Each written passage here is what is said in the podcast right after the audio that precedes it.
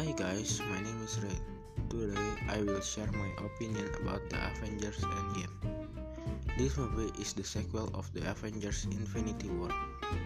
The main character is Tony Stark, Steve Rogers, and Thor.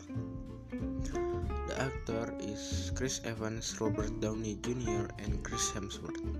So the story begins with Thanos come to another planet to do the same thing as he do on Earth.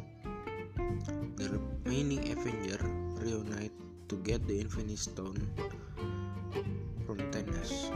But when they arrive at the planet where Thanos is, the Infinity Stone has gone.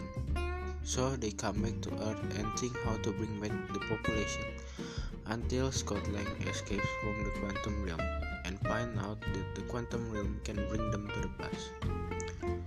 In sum, they went back to the past they got the infinity the infinity stone and go back to present to bring back the half of population.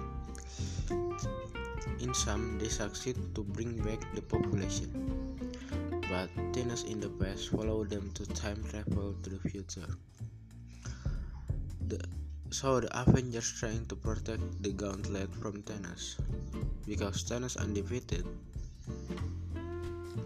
the Avengers cannot defeat him until Tony Stark or Iron Man sacrifice himself to erase Thanos from the dimension.